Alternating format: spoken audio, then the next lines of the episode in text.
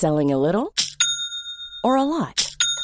Shopify helps you do your thing however you cha-ching. Shopify is the global commerce platform that helps you sell at every stage of your business. From the launch your online shop stage to the first real life store stage, all the way to the did we just hit a million orders stage. Shopify is there to help you grow. Shopify helps you turn browsers into buyers with the internet's best converting checkout. 36% better on average compared to other leading commerce platforms because businesses that grow grow with Shopify. Get a $1 per month trial period at shopify.com/work. shopify.com/work. I'm Sandra, and I'm just the professional your small business was looking for. But you didn't hire me because you didn't use LinkedIn Jobs. LinkedIn has professionals you can't find anywhere else, including those who aren't actively looking for a new job but might be open to the perfect role, like me. In a given month, over 70% of LinkedIn users don't visit other leading job sites. So if you're not looking on LinkedIn, you'll miss out on great candidates like Sandra. Start hiring professionals like a professional. Post your free job on linkedin.com/people today. Since 2013, Bombas has donated over 100 million socks, underwear, and t-shirts to those facing homelessness. If we counted those on air, this ad would last over 1,157 days. But if we counted the time it takes to make a donation possible, it would take just a few clicks. Because every time you make a purchase, Bombas donates an item to someone who needs it. Go to bombas.com slash ACAST and use code ACAST for 20% off your first purchase. That's bombas.com slash ACAST, code ACAST.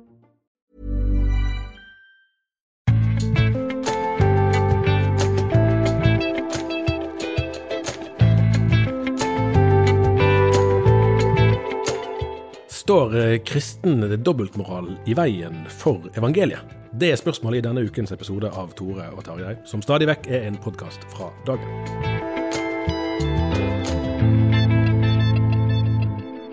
Denne uken er Tore Hjalmar Sævik og meg sjøl, Tarjei Gilje, på plass på Bildøy bibelskole på Sotra i Øygarden kommune, litt vest for eh, Bergen.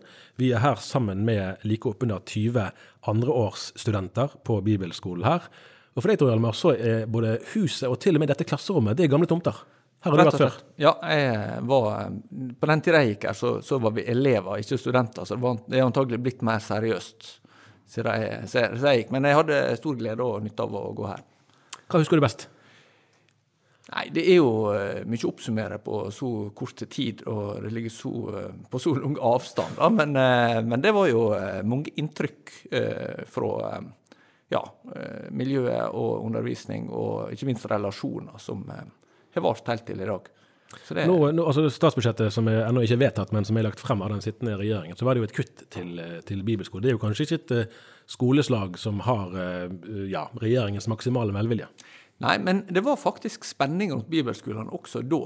For det var eh, på tale at Frp ville eh, stramme inn eh, overfor bibelskolene, da sent på 90-tallet. For det, det, var vel at de ikke ville finansiere sånn type religiøs utdanning med tanke på at kanskje muslimer kunne finne på å starte koranskoler.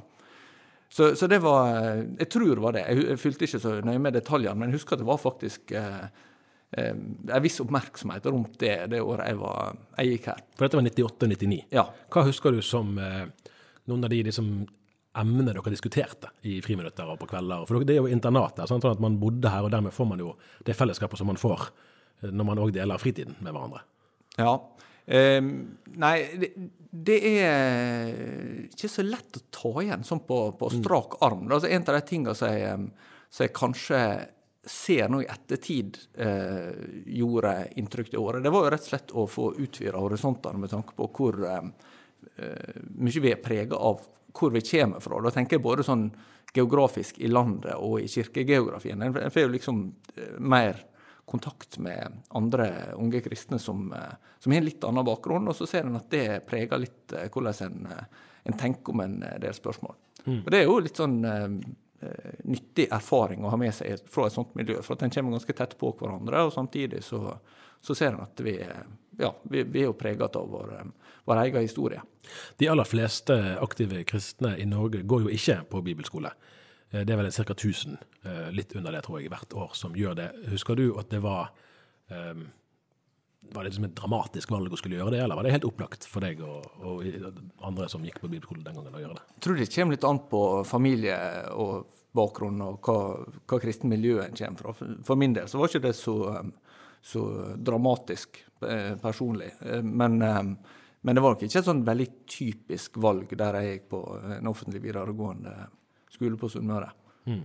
Så, så, sånn sett er det et, et både òg, da. Altså det var ikke sånn at det var det var kjempevanlig å gjøre på den tida. Jeg vet ikke om elevtallet sånn totalt i Norge var veldig mye større. Mm. Ja. Og, og, floraen var litt annerledes. Det er jo noen bibelskoler som kom og gått. Ja, det er det jo. Det er det jo. Vi hadde en runde her i forrige time med studentene om, eh, om, hvilke emner de er opptatt av. og Det er det vi skal snakke litt om eh, nå. Hvis du prøver å, å oppsummere litt, eller prøver liksom ditt eget inntrykk, da, hva tror du er forskjellig i eh, i virkelighetsopplevelsen for de som er bibelskolestudenter i dag, kontra da for litt over 20 år siden? En viktig forskjell tror jeg at du og jeg tilhører jo den siste måte, generasjonen som hadde kristendom på, eh, på skolen. Mm. Altså der det var en definerende eh, faktor i norsk skole. Og så kan jeg si det, det kristendomsfaget var jo mye hadde mye mindre plass enn det det hadde i våre foreldre sin skole, og for ikke å snakke om våre besteforeldre sin skole. Men det var jo i større grad um, en slags felles forståelse av at det kanskje ikke sånn var gjenstand for veldig stor interesse med, med kristen tro, men at det lå der som en slags sånn felles eh, norm, eller felles sånn kulturell referanse. I, I helt annen grad enn jeg opplever at det er for, for de som er bibelskolestudenter nå. Jeg tror du eh, er vår generasjon og de som er eldre enn oss, eh, mer bekymret for disse 20-åringene enn de sjøl er? Jeg tror egentlig at det med bekymring for kommende generasjoner eh, er nokså stabilt, altså. Mm. Men jeg hørte en bestefar som sa at han var mer bekymra for barnebarna sine enn han hadde vært for, eh, for barna sine. Mm. Ja, for det, det, der er jo uh, nivået det var, en, det var en kristen leder, da. Jeg skjønner. Ja. jeg skjønner. Det er fordi at Nivået av bekymring vil jo gjerne være være preget av hva slags forventninger man har. Sånn jeg nevnte for studentene i sted at når jeg har holdt på med debattstoffet i dagen i noen år nå, så, så, er det jo i betydelig grad eldre menn som skriver der, og som er skuffet over samfunnsutviklingen. Og de har jo gjerne opplevd et ganske annet samfunn, mens de som er 20 år eller 22 år eh, nå, eh, har jo ikke den samme referanserammen i det hele tatt. Så det som vi ser rundt oss, og som kanskje til og med du og meg kan reagere på, det er helt vanlig. Eh, og da innretter man seg jo etter det på en annen måte. Ja da, det tror jeg er, er, ganske viktig å være klar over. At eh, hva, hva, du er vant med, det, det, skifter ganske mye mellom generasjoner. Og det kan også være ganske store forskjeller geografisk. Det er jo, eh, de som er her, har jo praksis flere av de forskjellige plasser i landet. Og, det å ha en, en praksis i et område som ligger i det tradisjonelle bibelbeltet, kan være noe helt annet enn å ha det utafor. Mm. For, for, at der finnes det kjerne av eh, aktive kristne da, som, som eh, kan ha en virksomhet med et helt annet omfang og, og helt annen sånn, eh, påvirkning i et lokalsamfunn. Eh, selv om det store bildet er at eh, de fleste som er født rundt årtusenskiftet, så, så, de som er her i dag, eh, ikke vil ha gjerne veldig mye erfaring fra søndagsskole f.eks., mm. eller ungdomsklubber eller lignende. Som sagt så hadde vi en runde der vi spurte studentene om, om hvilke emner de er opptatt av, eller de snakker om og lurer på osv. Eh, og, og det som kanskje jeg merket meg mest ved, eh, for det var jo mange forskjellige ting som kom opp da, men det gikk egentlig på eh, hvordan skal vi leve som kristne? Hva betyr det å følge Jesus i vår tid? Og Det var jo der òg inngangsspørsmålet om kristen dobbeltmoral står i veien for evangeliet.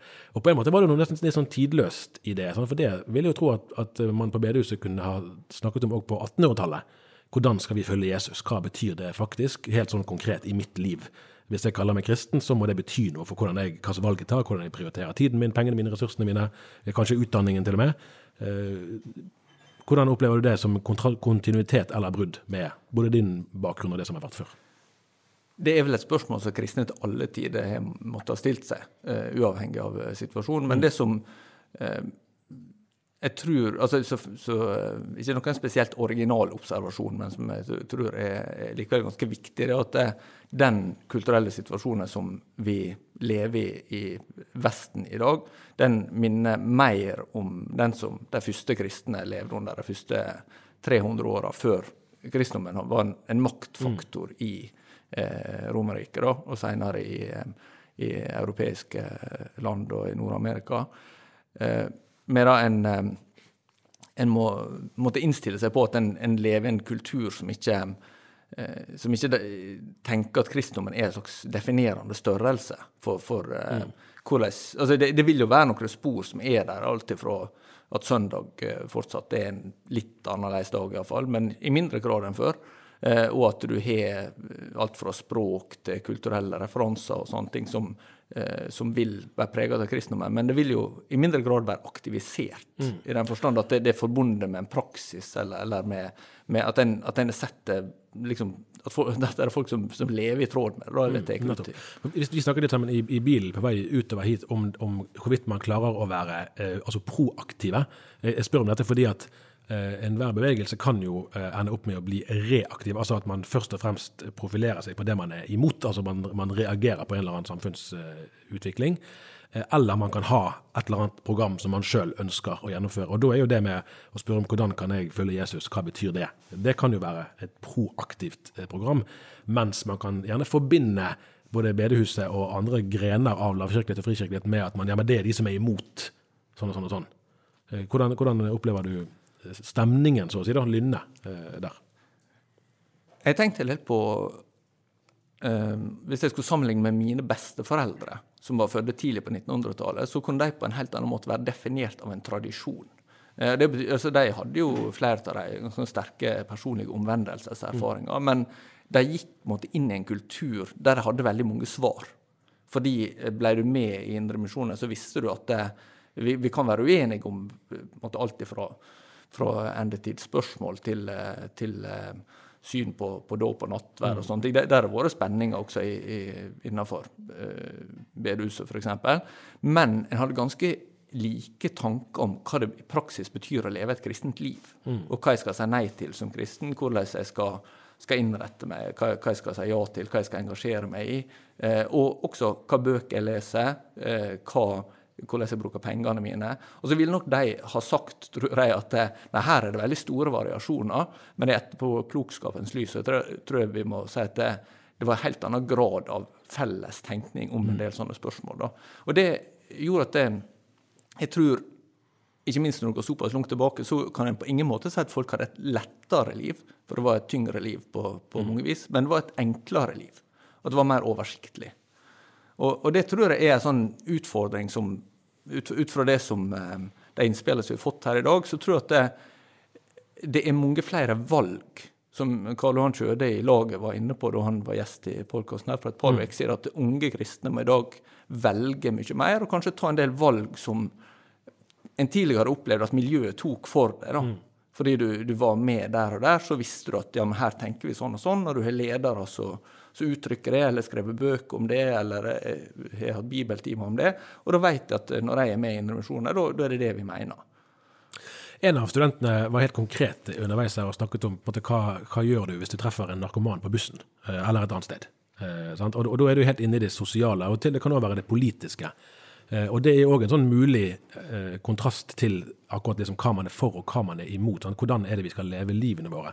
Og Der har jo f.eks. Bergens Indremisjon, som både du og meg har, har, tilknytning til hver på vår måte, så var jo det noe av det som var på en måte det vakreste, særlig i den tidligste fasen.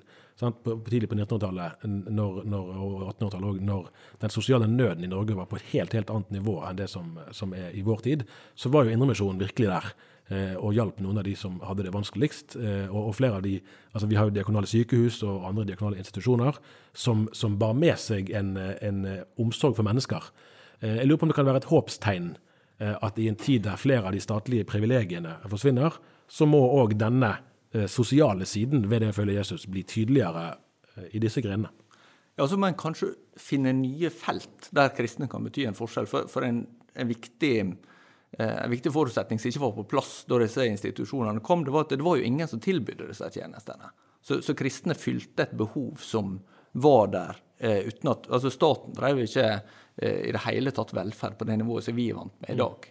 Eh, og der er jo bare vår foreldregenerasjon opplevd ganske store forandring. Så etter andre verdenskrig så er jo det norske samfunnet fått ordninger som eh, våre besteforeldre aldri kunne drømme om i sin barndom. Mm. Med alt fra, fra lønna foreldrepermisjon, til eh, sykelønnsordning, til ja, arbeidsledighetstrygd på det nivået som vi har i dag. Og, og tilbud utdanning, ikke minst, som, som eh, er helt annerledes enn, en det var tidligere. Mm. Så, så, men, men det er jo stadig sosiale behov, og det gjelder ikke minst eh, rusfeltet og, og eh, innvandring og, og, Eller folk som detter utafor. Det vil jo alltid være det et samfunn. Så, så der er jo eh, noe man må spørre seg sjøl liksom, hva, hva muligheter er der, hva behov går an å, å finne. Mm. Vi snakker av og til på kontoret eh, hjemme da, sånn, i redaksjonen om, om materiell, altså om forvaltning av penger. Økonomisk forvaltning. sant?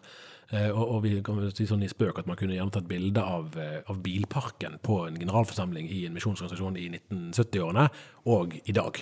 Og se på, på en måte, hvor mange eh, folkevogner det var den gangen, og hvor mange Teslaer det er nå. eller altså andre, eh, andre, andre eksempler. Um, for dette går jo òg inn på det med, med mulig dobbeltmoral. Eh, får du noe inntrykk av den bevisstheten? I hvilken grad eh, skikker man seg lik denne verden, for å bruke en bibelsk formulering? På det økonomiske området? Det er jo veldig vanskelig i spørsmål der med å bruke skjønn. Eh, hva som er, er, for mye, og hva som er for lite. Eh, det var en ganske morsom formulering av en, eh, av en ja, kjent forkynner og sjelesørger som heter Gunnar Elstad, som dessverre døde for noen år siden. Men han hadde funnet fram til en morsom definisjon av en materialist. Og det er en som har mer enn ei. Og uh, den er jo veldig grei, da, for da, eh, da vet du at nøysomhet det er jeg som definerer. Ja, det er meg, ja. ja. Uh, og så uh, kan en være litt misunnelig eller irritert på de som lever mer mm. komfortable liv. Men, men det er jo en kjensgjerning at vi har blitt ganske mye mer velstående. Altså, sånn som Mine foreldre kan snakke om det å ha, ha to biler, f.eks. Det var jo vanskelig å se for seg. og jeg, jeg skrev også en, en kommentar for noen år siden basert på et utsagn fra ei eldre kvinne eh, som hadde overskrifta 'Kristne bor vel ikke på hotell'. Oi. og hun hadde en meget nøysom bakgrunn og tenkte at ferie og, um, og hotellovernatting sånt, det var jo helt unødvendig luksus. Og um, ja, det, det, er ikke så lett da, alltid å um, å si eh, hvor, hvor grensa skal gå. Jeg kan jeg ta en vits til, forresten? Det, det, det, var, eh, det, var, eh, Disse her er jo litt unge til å huske Margaret Thatcher, men hun var, hun var president Nei, hun var statsminister. Her rota jeg med, med statsformen. Ja, hun var statsminister i Storbritannia da eh, vi vokste opp på 80-tallet. Eh, og hun hadde en pressesekretær som jeg intervjua senere, som var en veldig tydelig kristen. Da. Han hadde en definisjon av en baptist. Og det er en person som aldri, ikke under noen omstendigheter, tar en eneste dråpe alkohol framfor en annen baptist. ja. Eh, og, og der er somme sånne leveregler som eh, altså Det går litt på, på å speile seg i andre, da. Mm. Eh, som, som eh, jeg, jeg, tror det skaper en slags trygghet å ha noe ideal, men, men, så er vi ofte på ei reise der vi umerkelig så blir vi vant til at Eh, ja, vi, vi, blir mer velstående, og jeg, unner, altså jeg er kvalitetsbevisst, mm. kan jeg si. Ja, ja, det er et positivt ord å uttrykke at jeg er glad i å kjøpe ting. Eh, eller, eller jeg vil ikke være noen sånn sur pietist, jeg vil mm, være en som mm. gleder meg over det gode i livet. Mm. Sånn, så, eh, og, og jeg, jeg, tror også at der, der vil det være en del teologi ute og går, for at du har jo somme kristne retninger som vil tenke at det at altså Fra Danmark så hører jeg at, at indremisjonsfolk kjøper lita campingvogn for å vise at de er nøysomme, mens pinsevenner kjøper stor campingvogn for å vise at de er velsigna. Så, så, jeg tror litt sånne ting vi spiller inn. Men, men klart at, at vi er prega av velstandsutviklinga i Norge, det er liksom det er det ingen som kommer fra. altså. Mm. Så, men uh, hva som er svaret på det, det er ikke helt godt å si. Men, men har iallfall en høyere bevissthet om det. Det, det er vel nokså utvilsomt at det, at det kunne være rom for. Ja, ja. Vi har fått inn et spørsmål. Ja, det, ja for vi har, vi har, må forklare det at vi har, eh, vi har skrevet opp ditt mobilnummer på tavla i klasserommet, sånn at eh, elevene, studentene, kan sende spørsmål til deg, og så skal du nå lese det opp. Ja, jeg skulle gjerne sendt det til lytterne, lytterne også kunne fått mobilnummer, men da, de hører ikke før sendinga er over, så det blir litt seint. Uh, spørsmålet er, og det går til deg, altså. Ja, ja. Hva tror dere er de største forskjellene eller utfordringene med å vokse opp som kristen i dag, i forhold til når dere vokste opp, sånn ungdomsalder 13-18 år? Mm. Og da er vi tilbake igjen eh, Ja, vi er på 90-tallet, egentlig.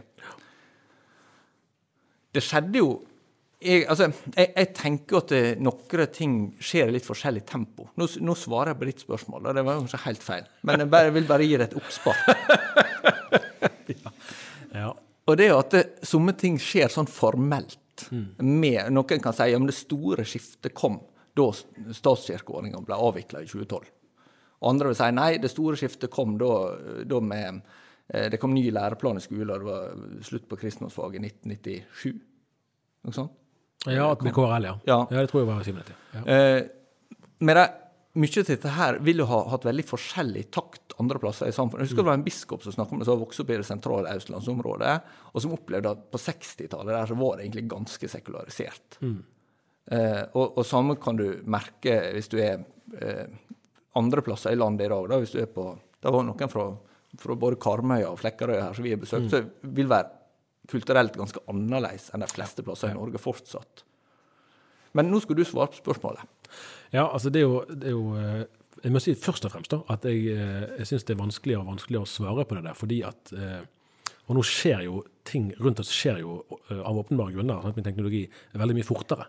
Sånn at eh, forskjellen på 20 år er nok mye større fra nå da, og tilbake til årtusenskiftet enn fra da og til 1980 og derfra til 1960. Og sånn sett tror jeg nesten at vi, vi, vi må være enda flinkere til å snakke med de som er eh, tenåringer og, og i 20-årene nå. Eh, fordi at vi, vi kan komme et stykke med å bruke våre egne øyne til å sette oss inn i deres eh, situasjon, men jeg tror vi egentlig forstår mindre av det enn vi, enn vi nødvendigvis innser. Det er kanskje en enda større utfordring for våre altså vår foreldregenerasjon igjen, og der forskjellen er enda større. og der er liksom virkelig når vi skal måle sånn, bibeltroskap, og vi skal teste liksom, om, om det går det bra eller går det dårlig med utviklingen, sånn eller sånn, eller sånne liker vi svarene ungdom gir eller ikke, så, så må vi være svært bevisste på å ta inn over oss at de lever i en annen virkelighet enn den, enn den både du og meg, og som sagt enda mer våre foreldre, eh, levde i. da. Ja, altså Vi, vi avslutta jo hver skoledag på, på Remøy skole med å synge 'Ha takk og Gud for ja, dagen'. vi Som òg, den skinner som lys og klar. Ja, det ville vært helt, helt fullstendig utenkelig eh, i dag. Men, men hvis vi prøver å tenke nå, da, eh, så, så eh, er det mitt inntrykk at eh, og, det er jo kanskje litt det vi ser nå fra, fra regjeringen sitt sin politikk i forhold til de kristne skolene. og Det er jo for så vidt ikke bare de kristne skolene, men det er jo friskolefeltet. Sånn, så det handler jo om flere ting. Men det er jo at, man, at, at, religion i offentligheten blir sett på med mer mistenksomhet. Så man kan ta mindre og mindre for gitt. Da. Må, må nok, for en ting er at det er manglende kunnskap til kristen tro. Eh, Det kan jo det bærer jo òg i seg et potensial. For det at det som man ikke kjenner til, kan man jo være nysgjerrig på. Det som man har kjent til og har på en måte kvittet seg med, det er det vanskeligere å, å liksom vekke en ny nysgjerrighet for. Eh? Og Sånn vil det jo gjerne være i, for de som er kanskje noen år eldre enn deg og meg, og kanskje særlig da, hvis man har en eller annen tilknytning til bibelbeltet. Så, så, var kristentroen nesten nødvendigvis en del av tilværelsen, så man har liksom tatt et standpunkt. og Hvis man da har valgt det vekk, så, så har man gjerne tatt en bevisst valg og det er en lengre vei eh, tilbake. Mens de som nå er eh, tenåringer, har kanskje ikke noe særlig forhold til det. Så der er jo liksom et, et potensial eh, i det. Men eh, det er jo òg en side ved saken at hvis religion eh, blir, og kanskje særlig da måte utenfor Den norske kirkes eh, liksom standardrammer, blir sett på som eh, altså Det er først og fremst en fare for radikalisering. Det er det som er liksom, det umiddelbare. Eh, så vil man jo kanskje nesten sånn føle seg tvunget til å ligge lavt. da. Eh, Fordi i det jeg sier at jeg er kristen, så er på en måte varsellampene nesten i gang med en gang. 'Å ja, du er en sånn som du er imot homofile', eller 'du er imot det eller det eller det', 'oi sann, snart er du kanskje voldelig'. At, eh, at du kan få sånne, sånne forestillinger. Og da er det ikke så lett eh, å skulle være 15 år da, og komme fra en kristen familie, og så er du opplært til at Jesus døde for mine synder, og jeg eh, er elsket av Gud, og det er det viktigste i livet. Og så er på en måte det eh, noe som virkelig blir sett på som nesten så farlig. Da, eh, da er kontrasten ganske stor til det som vi har vokst opp med. Men må det nødvendigvis fortsette sånn? Nei, altså noe av det som, som jeg er litt sånn spent på eh, og, og, altså For her, Man kan alltids finne grunner til bekymring. Sant? Det kan man gjøre til alle tider. Det er alltid noe som kan bli verre. Eh, og, og man kan alltid tenke at, at ting var bedre før. Det var det jo slett ikke alltid. Eh, men det er jo det at når man Når man ikke lenger kan lene seg på på det offentlige, eller på staten, eller på storsamfunnet, så må man jo nødvendigvis lete etter hva er det her som gir mening, eller som gir verdi. Hvorfor er det vits i å være kristen? Hvorfor er det vits i å følge Jesus? Hvorfor er, det, hvorfor er evangeliet noe å, å ta vare på? Eh, og hvis man finner da, eh, den skatten, så, eh, så har jo den kanskje en, en sterkere, eh, et sterkere fotfeste eh, i den enkeltes hjerter, eh, for å si det sånn, enn hvis det kun jeg leste i læreboken på skole at kristen tro hevder at sånn eller sånn. For da er ikke nødvendigvis noe som du sjøl har tatt i eie. Og da kan du jo liksom tenke positivt at, at flere kristne ungdommer kan faktisk være levende, altså vitner, eh, ambassadører, fordi at de sjøl faktisk har måttet eh, ta stilling. Ja, dette, dette tror jeg på. Vi skal gå videre til neste spørsmål som er kommet inn. Og det er tror du at den seksuelle revolusjonen har fått mer inntog i Norge de siste årene? At det påvirker unge mer i dag med ubegrenset tilgang på internett osv.? Ja, det, det er vel nesten umulig å svare nei på. Eh, og det var jo for så vidt òg et emne som vi egentlig ikke Jeg hadde kanskje trodd at det skulle være mer oppe i samtalen vi hadde med studentene tidligere. Um, og det kan jo være flere. Jeg tror, jeg tror, at for noen så er på en måte det der å, å ytre seg eh, på en annen måte enn det som er typisk i samfunnet, er etter hvert såpass liksom, sosialt belastende at mange vil kvie seg. Altså man velger taushet. da. Velger å ikke si eh, egentlig hva man mener. En, en viktig forskjell altså det, Dette høres jo kanskje veldig eh, sånn, eh, rart ut eh, fra et sånn ungt voksenperspektiv i dag, men altså, jeg husker jo godt at debatt, debatten om partnerskapslova var i 1992-93. Og Norge var et av de første landene i, Norge, i verden som innførte Danmark var litt tidligere ute. Eh, som innførte sånn type lov, da, som, som var en slags offentlig eh, anerkjennelse av, eh, av likekjønna forhold. Og så kom jo ekteskapslova 15 år seinere, 2008. Eh, men men eh, det, det er jo sånne, og særlig partnerskapslov ble jo vedtatt med minst mulig eh, flertall i Stortinget. Kjempespennende hvordan det kom til å slå ut. Eh, og det slår meg bare at for en tenåring som vokser opp i dag, så høres dette veldig lenge ut, sier. Ja. Eh, Så, sånn at vi har jo opplevd sånn sett et, et ganske sterkt skifte. Og det var jo ikke noe tema eh, i, i skolebøker og sånn av betydning. Eh, da, da vi Nei, det har skjedd fort. Det, det er vel kanskje Jeg tror det er nærliggende å Og det var jo før både din og min tid, men det er nærliggende å sammenligne vår tid med altså 68-opprøret og det som kom i årene etter det inn i 70-årene. At nå er det et sånt kulturelt skifte som skjer. Og når det er sånne skifter, da er gjerne frontene ekstra steile. Og så, så avtar gjerne noe av intensiteten over tid. Man kan aldri vite helt hva som skjer, men, men at akkurat nå tror jeg vi kan si at vi er i et sånt skifte der det er ganske Altså nå er det spesielt krevende eh, å ytre seg i kontrast til det som er det som dominerende. Og, og det er viktig å være klar at det er ikke et særnorsk fenomen. Nei, nei, nei. Eh, altså det, det gjelder, gjelder for så vidt alle vestlige land, da, i litt forskjellige eh, maktforhold. Men også, Ja. også fra, fra USA så er dette eh, helt, på en helt annen måte omstridt nå enn det var for noen tiår siden. Og så er det et par, et par trekk som kanskje kommer til å gå litt hånd i hånd. At på den ene siden så tror jeg det er, det er naivt å vente noe annet enn at mange flere kristne kommer til å, eh, sikkert med ulike nyanser, til å avfinne seg med, eh, med gjeldende trender. Da. At, Ja, at for- for det- det er kostnaden, kostnaden ved å stå frem eh, med et annet standpunkt blir så høy at man orker bare ikke.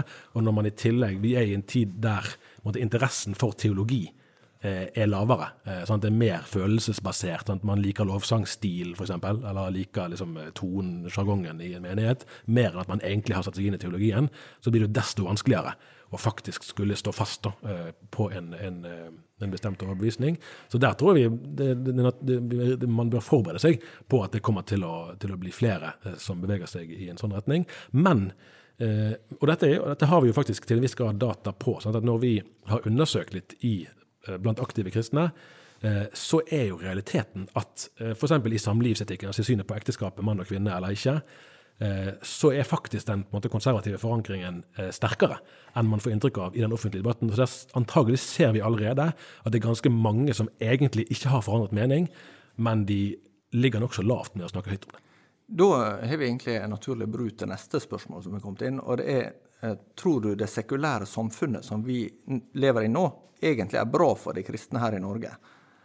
Gjennom f.eks. at flere kristne må ta stilling til det de står for. Både ja og nei tror jeg vi må svare på det. Og, der kan det være litt sånn fristende for oss da, sier jeg, som har litt sånn vestlandsk bedehusblod i årene, at det kan liksom være en sånn herre kutt ut av den statsreligion-greiene, for da blir det maktens kirke. sant? Og du kan si at liksom hele Åpen folkekirke sitt prosjekt hadde jo antagelig vært helt umulig å gjennomføre uten at staten og det offentlige var en veldig sentral eh, faktor i, i hele regnestykket med finansiering og, og alt som har vært av påvirkning og, og stemmegivning eh, der. Eh, men da, da, skal man virkelig ikke glemme eh, alle de mulighetene som ligger i at det er kirker nesten sånn på hvert nes rundt i Norges land. Og selv om det er en del eh, kirker som, som, mange vil oppleve at her er på en måte evangeliets brodd blitt så svekket at hva er nå dette her for noe, eh, så er det virkelig, virkelig, virkelig mange kirker der evangeliet forkynnes klart og rent. Og der muligheten til samfunnspåvirkning er veldig stor, og det risikerer man å miste mye av hvis folkekirkeordningen eh, forsvinner. Så Det er den ene siden av saken. Men så er det jo òg Ja, det er noe interessant med, med sekulariseringens virkning at det er i hvert fall en sånn altså det, det, det, det, det ordet er vel ikke i bruk, men det står jo om lutring i Johannes' åpenbaring, eh, i, i av de, noen av de eldre eh, oversettelsene. Altså en renselse der man finner ut av hva er det faktisk som betyr noe. Hva er det som, og Vi snakket litt om det tidligere. Eh, hva er det som for meg, da, som faktisk er av verdi? Er, er den kristne troen noe jeg faktisk Altså har, Man kan ha et kors rundt halsen, sant? og det kan være et symbol, men er det symboliserer det hva jeg tror på, eller er det bare et smykke som egentlig ikke betyr noe for meg, annet enn at jeg fikk det av en eller annen, og det er en sånn nostalgi i at det minner meg om en besteforelder eller et eller annet. Altså for, for, helt sånn konkret, Korset er jo et tortursymbol. Eh, sånn at hvis man liksom mener noe med det, så skulle det være noe helt annet enn f.eks. en kamp mot andre mennesker. En kamp mot muslimer, f.eks. Eh, de, de som går med smykker rundt halsen, skulle jo være de fremste til å elske muslimene. Eh, så å bruke, å bruke korset som en sånn kamp mot eh, i kulturkrigen, er jo helt, da bruker man jo symbolet til det motsatte av og, det det skulle representere. Og så blir det jo også et spørsmål om, eh, om å stille det helt grunnleggende spørsmålet, tror jeg. da. Eh, hva, altså, Fins det Gud, og hva kan vi i så fall vite om Gud? For at ofte så kan en, eh, hvis en diskuterer spørsmål, men ikke er enige om premissene, så kan diskusjonene eh, ikke bli så veldig fruktbare på sikt, fordi en, en har så forskjellige forutsetninger når en går inn i det. Hvis en tenker at ja, Gud finnes, og Gud har fortalt oss noe om seg sjøl, eller Gud har åpenbart seg, og, og eh, da skiller en gjerne mellom den naturlige åpenbaring, at en tenker at det er en skaper pga. skaperverket, og en, hvordan det framstår med en orden og, og, og liksom en funksjon. Eh, og så er det en spesiell åpenbaring, at, at Bibelen forteller oss noe om eh, Og det at Gud er blitt menneske i Jesus, det, det, forteller oss noe om at Gud sier oss noe, vil oss noe. Eh, og, det, det med jo kanskje sånne spørsmål som lett kan forsvinne litt i bakgrunnen når det blir veldig mye strid eh, rundt detaljspørsmål. Eller liksom, konkret, det kan være veldig viktige spørsmål i og for seg, men er ikke premissene like, mm. så, så, vil jo diskusjonene bli veldig prega av det. Nettopp. Da er faktisk uh, halvtimen gått. Ja. Dette var jo da, Jeg håper det var kjekt for dere som er her i klasserommet, å uh, høre på. Det nikkes litt høflig i salen i hvert fall. Så håper vi det er greit for dere som hørte på òg. Jeg husker Egil Svartdal, TV-pastoren, sa en gang at, uh, at en ting er jo om vi, eller om man kan si det som i et kritisk øyeblikk, da, at Kirken har ikke, har ikke svarene. Den har ikke engang spørsmålene som blir stilt i vår tid. Forhåpentligvis kunne vi i hvert fall bidra med å stille noen spørsmål i denne samtalen, og den kommer ikke til å ta slutt. Det kan vi være helt sikre på. Og vi er tilbake allerede neste uke. Tenk på det. Ha det bare så lenge.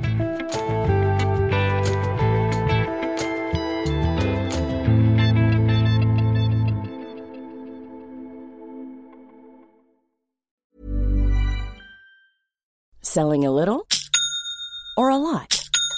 Shopify helps you do your thing however you cha-ching. Shopify is the global commerce platform that helps you sell at every stage of your business. From the launch your online shop stage to the first real life store stage, all the way to the did we just hit a million orders stage. Shopify is there to help you grow. Shopify helps you turn browsers into buyers with the internet's best converting checkout. 36% better on average compared to other leading commerce platforms because businesses that grow grow with Shopify. Get a $1 per month trial period at shopify.com/work. shopify.com/work.